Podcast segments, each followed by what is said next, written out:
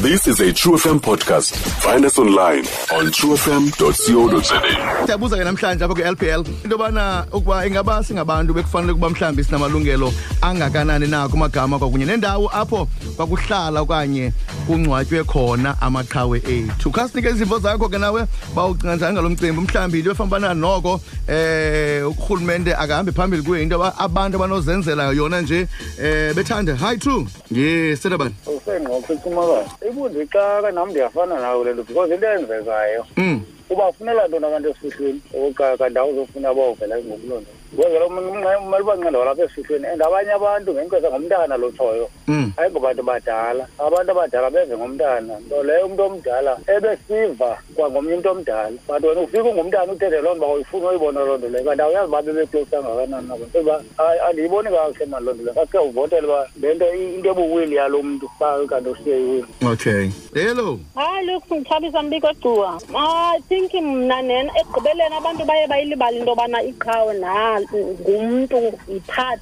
of a certain family. Mm. Ngeyibona but there is nothing that we can do ke ngoku because elaa qhawe eliya mos likhulela kwisociety enabantu uyaqona okay. Into ke ngoku isemntwini nee-ethics zakhe umntu lo- lowo i-good intention Mm. uyayibona? Entobana if ndenze kanje kuzawuthi if ndithiye kanje indawo ethile kuzawuthi sentsho ihamba ne-intention yomntu. But ke ngoku thina ke ngoku sayiluza yonke i-values zethu uyayiqona in that umntu endaphe esenza nje nakanjani na? Okay. Uyayibona? And because of i-lack of knowledge ke ngoku. Nakwabanye abantu omnye umntu uzohamba ethiya istrata ethiya umntu ethiya i- everything because akazazi uba fanele athini a- ayephi na ukuze enze kanjalo. Okay all right. Nkosi kakhulu utheza so i think respect is number one. Ndikuvile mntasekhaya. Nkosi kakhulu. Hello.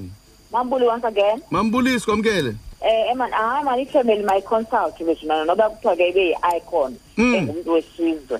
Ifamily mayihlonishwe inike indawo yayo. Umuntu wayo lo. Ndikuva Otherwise kakuhle. abantu bazibona bephoxeka nje bengathi ngokubahambe beqhamkela nje akufanele ikona.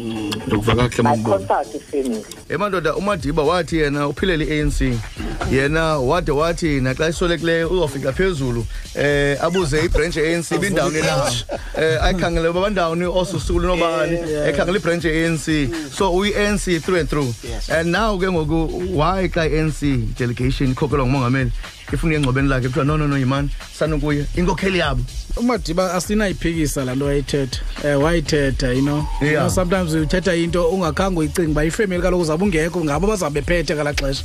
Um ingabo bathathe izigqibo ngalaa xesha. So nayo ifemeli if bangaba they feel mna mna zandibona into irongo ngalaa nto. Mhlawumbi ifemeli yaqomba loku ningaphinda nibuye nishaye iround again. Um sabe siyiredi ke ngoba sinamkele nisi- sinibonise le nto. Th- that's very true uh, lungster. Looks izinhle izinto zoba abantu abasebenzileyo bakhunjulwe.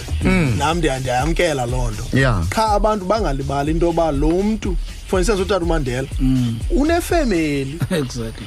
Eish yabona ke niyanibetha ngoba eh mina umadiba nami benzathi umadiba i-ANC ngenza into nangomadiba eh kodwa ke nxa ufunda uya kule ndawo ndiyacinga uba ifamily into yonke nakum. Eh xa usithi umuntu aphuma uphuma efamilini u- uyigqibile isame apha.